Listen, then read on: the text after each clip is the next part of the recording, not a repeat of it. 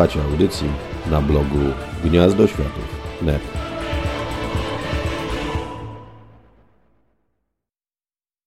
Wspominałem poprzednio, że stałem się posiadaczem większej ilości trade'ów z Hellblazerem, więc dzisiaj będzie o ranie Briana Azarello. Azarello. A w zasadzie o początku i o końcu tego ranu, bo y, tylko to z niego mam.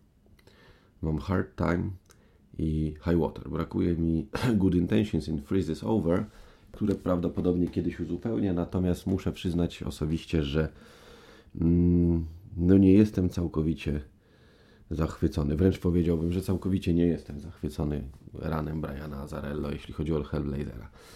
Amerykanin mm, przejął postać Brytyjczyka i a nie zrozummy się źle. Azarello zrobił dużo dobrych komiksów, świetnych, sensacyjnych, natomiast mam wrażenie, że zapomniał o tym, że Hellblazer to nie jest komiks sensacyjny o gangsterach, bandytach i całej reszcie, tylko to jest komiks o magiku.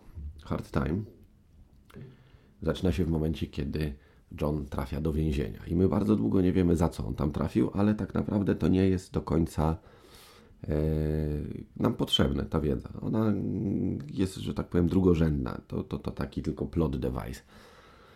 Cała zabawa polega na tym, że John trafia do więzienia i w związku z tym e, musi sobie w tym więzieniu radzić, a jak jest w amerykańskim więzieniu, no to wszyscy doskonale wiemy i generalnie rzecz biorąc branie paczki papierosów od wielkich murzynów może skończyć się nieszczęściem, no ale ponieważ John jest magikiem, to kończy się nieszczęściem dla paczki wielkich czarnych murzynów, a potem e,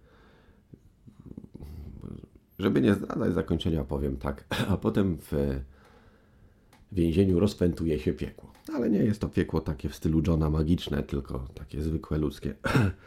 Jestem bardzo rozczarowany tym trade'em, dlatego że jest w nim bardzo mało Johna, jest w nim bardzo dużo sensacji bandytów, więzienia i całej reszty. Jeżeli ktoś lubi takie klimaty, to może owszem. Natomiast ja czytam Hellblazera, dlatego że to jest komiks o magiku. Mimo wszystko o jakichś ciemnych sprawach piekielnych i tego chciałbym w tym komiksie się doczekać. Dodatkowo zakończenie jest, absolutnie niedopuszczalne. Deus Ex Machina taki no, modelowy wręcz. Wszystko idzie swoim torem i nagle pojawia się jeszcze jedna postać i robi ciap i wszystko się rozwiązuje. Już jest wszystko ładnie, pięknie, generalnie rzecz biorąc. To tak bardzo w stylu amerykańskich filmów, gdzie po prostu jedna postać mówi coś i tak będzie.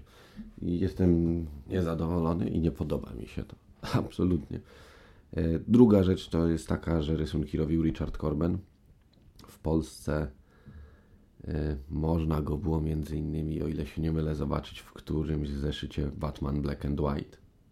I jeszcze chyba gdzieś, ale to no nie jestem pewien. Nie, nie, nie potrafię teraz tak z pamięci przywołać. Nie podobają mi się jego rysunki, po prostu. Ma bardzo specyficzny styl taki, gdzieś tam mm, przypomina troszkę Howarda Cruza, z tym, że Howard Cruz jest dużo lepszy i Howarda Cruza jestem w stanie znieść, natomiast Richarda Corbena niespecjalnie. Te jego takie popuchnięte jakieś twarze, wszystko tak było okrągłe i mimo, że trzeba przyznać, że, że technicznie, warsztatowo jest bardzo dobry, to y, niestety jeśli chodzi o styl, to ja tego nie kupuję. Dziękuję bardzo.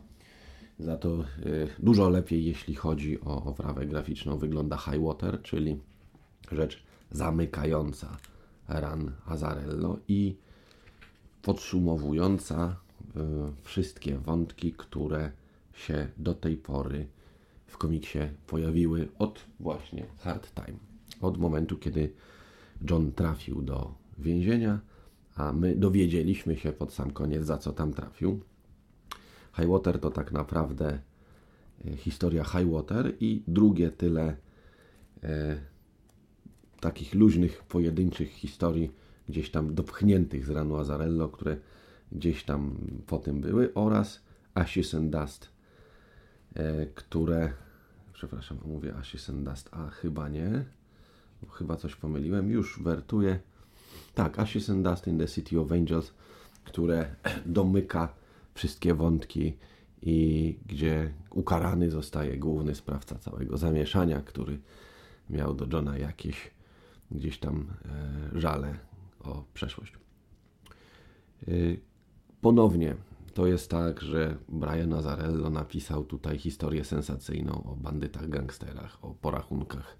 Są skinheadzi, gdzieś tam są e, jakiś półświatek, kluby sadomaso, inne rzeczy i Johna, Johna Magika jest w tym bardzo mało.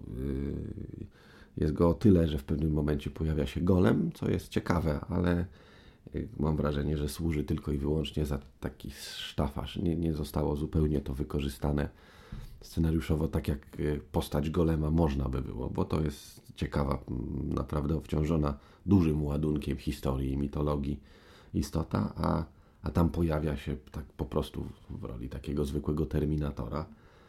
Trochę szkoda.